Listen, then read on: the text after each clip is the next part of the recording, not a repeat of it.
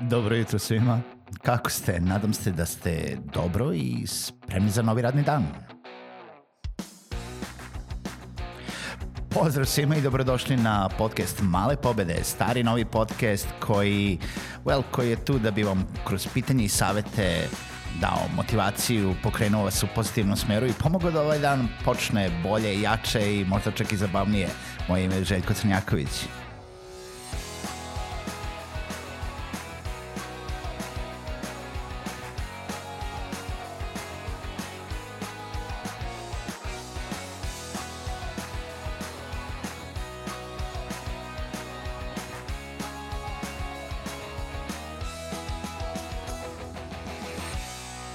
Pozdrav svima, dobro jutro i dobrodošli u novu epizodu podcasta Male pobede.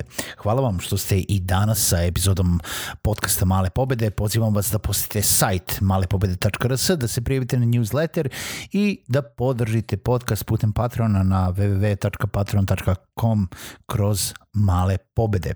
A, nekako ove cele nedelje pričamo o tome kako da vaš sajt bude pa ne samo da bude dobro, da ima dobar naziv, da ima dobru adresu, uh, pa smo pričali juče o tome uh, kako da imate Uh, dobar sadržaj na sajtu ne mislimo samo ne mislim samo na onaj sadržaj koji proizvodite unutar blogova, podcasta, videa i tako dalje, nego kako da imate onaj onaj sadržaj koji opisuje vašu firmu. E a danas hoću da se fokusiram na taj sadržaj u blogovima, videima, podcastima, koji god format sadržaja uh, treba da radite. U stvari, često puta sam pričao o tome da to treba jel, da sad da proizvodite sadržaj, da biznis treba da proizvodi sadržaj. Uh, pričali smo o tome uh, jel da formatima sadržaja. A sad, kako uopšte birati dobre teme za vaš sadržaj? Kako ja mogu da biram dobre teme što se tiče svake epizode podcasta, sad da li su dobre, nisu dobre, nekom jesu, nekom nisu, a, ni vi uvek nećete pogoditi, ni ne treba da pogodite da ta tema baš bude ekstra super fantastična za bilo koga ko je čita. I to je čitava poenta. Vaš sajt, vaš sadržaj, vaš poslovni sadržaj, vaš privatni sadržaj, vaš uh, podcast, vaš video, vaš blog, bilo šta da radite, infografik, uh, e-knjiga, nije usmerena svakome. Vi kada pričate, ne pričate svakome i to ponavljamo iz epizode u epizodu uh, od prodaje, marketinga, uh, pro, osmišljavanja proizvoda, čega god. Morate da znate kome se obraćate, morate da znate ko je vaša ciljna publika. I onda samim time jel da, šta vašu ciljnu publiku zanima. Znači, jako je bitno da to ne bude sada, a moja ciljna publika su, i to opet kažem, pričali smo o tome, poslušajte neke od ranijih epizoda, a, kada pričamo o ciljnoj publici, o a, ovaj, personama u prodaji i tako dalje. Znači, da to ne bude sada to su svi muškarci u Subotici ili uh, sve žene u Beogradu koje su između 30 i 50 godina. To nije dovoljno usko targetirana publika. Vi morate da znate ko su oni, morate da znate možda neke njihove navike, možda čime se bave, šta rade u životu, u kojoj su fazi trenutno u životu, šta ih zanima i šta ih vozi prema tome jel da, prema možda koje probleme imaju, čime se bave i samim time koje rešenje vi njima možete da ponudite.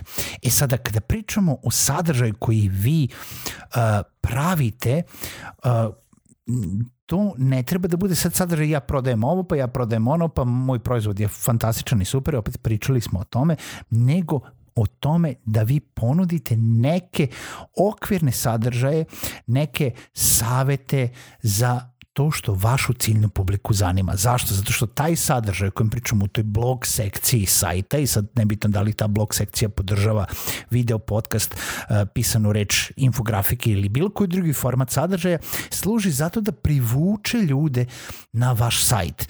Samim time pozicionirajući vas kao nekoga koji je relevantan u sferi o kojoj priča, jel, koju tu ciljnu publiku zanima, samim time vi boravite u njihovim mislima uh, i samim time nekako se ističete kada oni pomisle da imaju neki problem, ko mi može pomoći, pa ta osoba ili ta firma ili taj brand priča o tome kako rešava, a oni usput rade to, to i to. I ja njima verujem, ja ih smatram relevantne, ja ih smatram za nekoga koga želim um, da poslušam u tom datom momentu i trenutku kada mi to bude trebalo.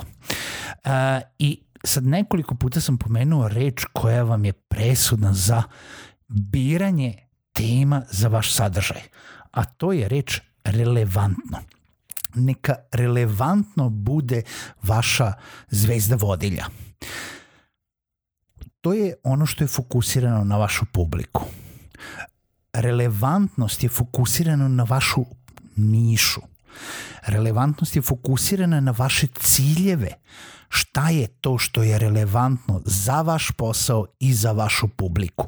Šta je to što je njima bitno koje probleme, koji, uh, koje situacije, koji case study, koji primeri mogu pomoći da dođu do nekog zaključka, do uh, nečega da se osjećaju potpomognuto, da kada dođe vreme da im ponudite vaše proizvode, usluge ili bilo šta, oni vas poslušaju. Ili sa druge strane izaberu vas za bilo šta drugo što nudite u poslovanju. Relevantnost je fokusirana na sadašnjost. Nije relevantno ono što je bilo pre 20 godina. Možda nije ni relevantno ono što će doći tek. Relevantnost je najviše fokusirana na to što je sada problem i što je sada moguće rešenje. Šta oni mogu, šta vi možete sada da uradite, koji su to mali koraci, male pobede kojima se krećemo ka tim nekim velikim ciljevima. Relevantnost je fokusirana na rešenje tih problema. I to je ono što morate da budete fokusirani. Znači, znajte vašu publiku. Napravite relevantnost vašu zvezda vodilja u izboru tema za vaš sadržaj.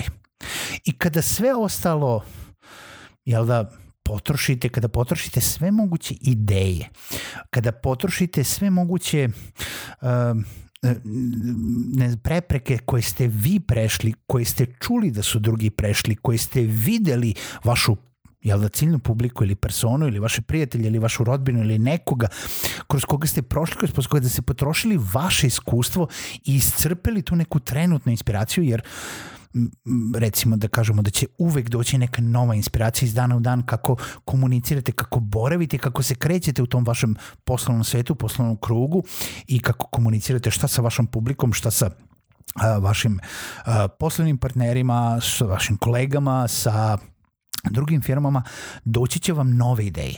Ali nikada nije zgoreg da dobijete inspiraciju sa nekog možda neočekivanog mesta. A šta je neočekivano mesto? Pa unesite recimo taj nek, to neko pitanje koje, koje želite, na koje želite da odgovorite u Google. Nađite neki tekst, sadržaj, neko ko je nešto proizveo.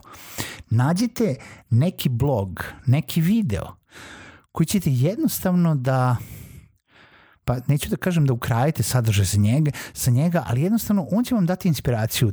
On će nabrojati od svojih 15 stvari, pet stvari koje vi želite da navedete, da parafrazirate i da ubacite, spinujete tako rečeno, u svoj sadržaj, u svoj taj neki trenutni blog post.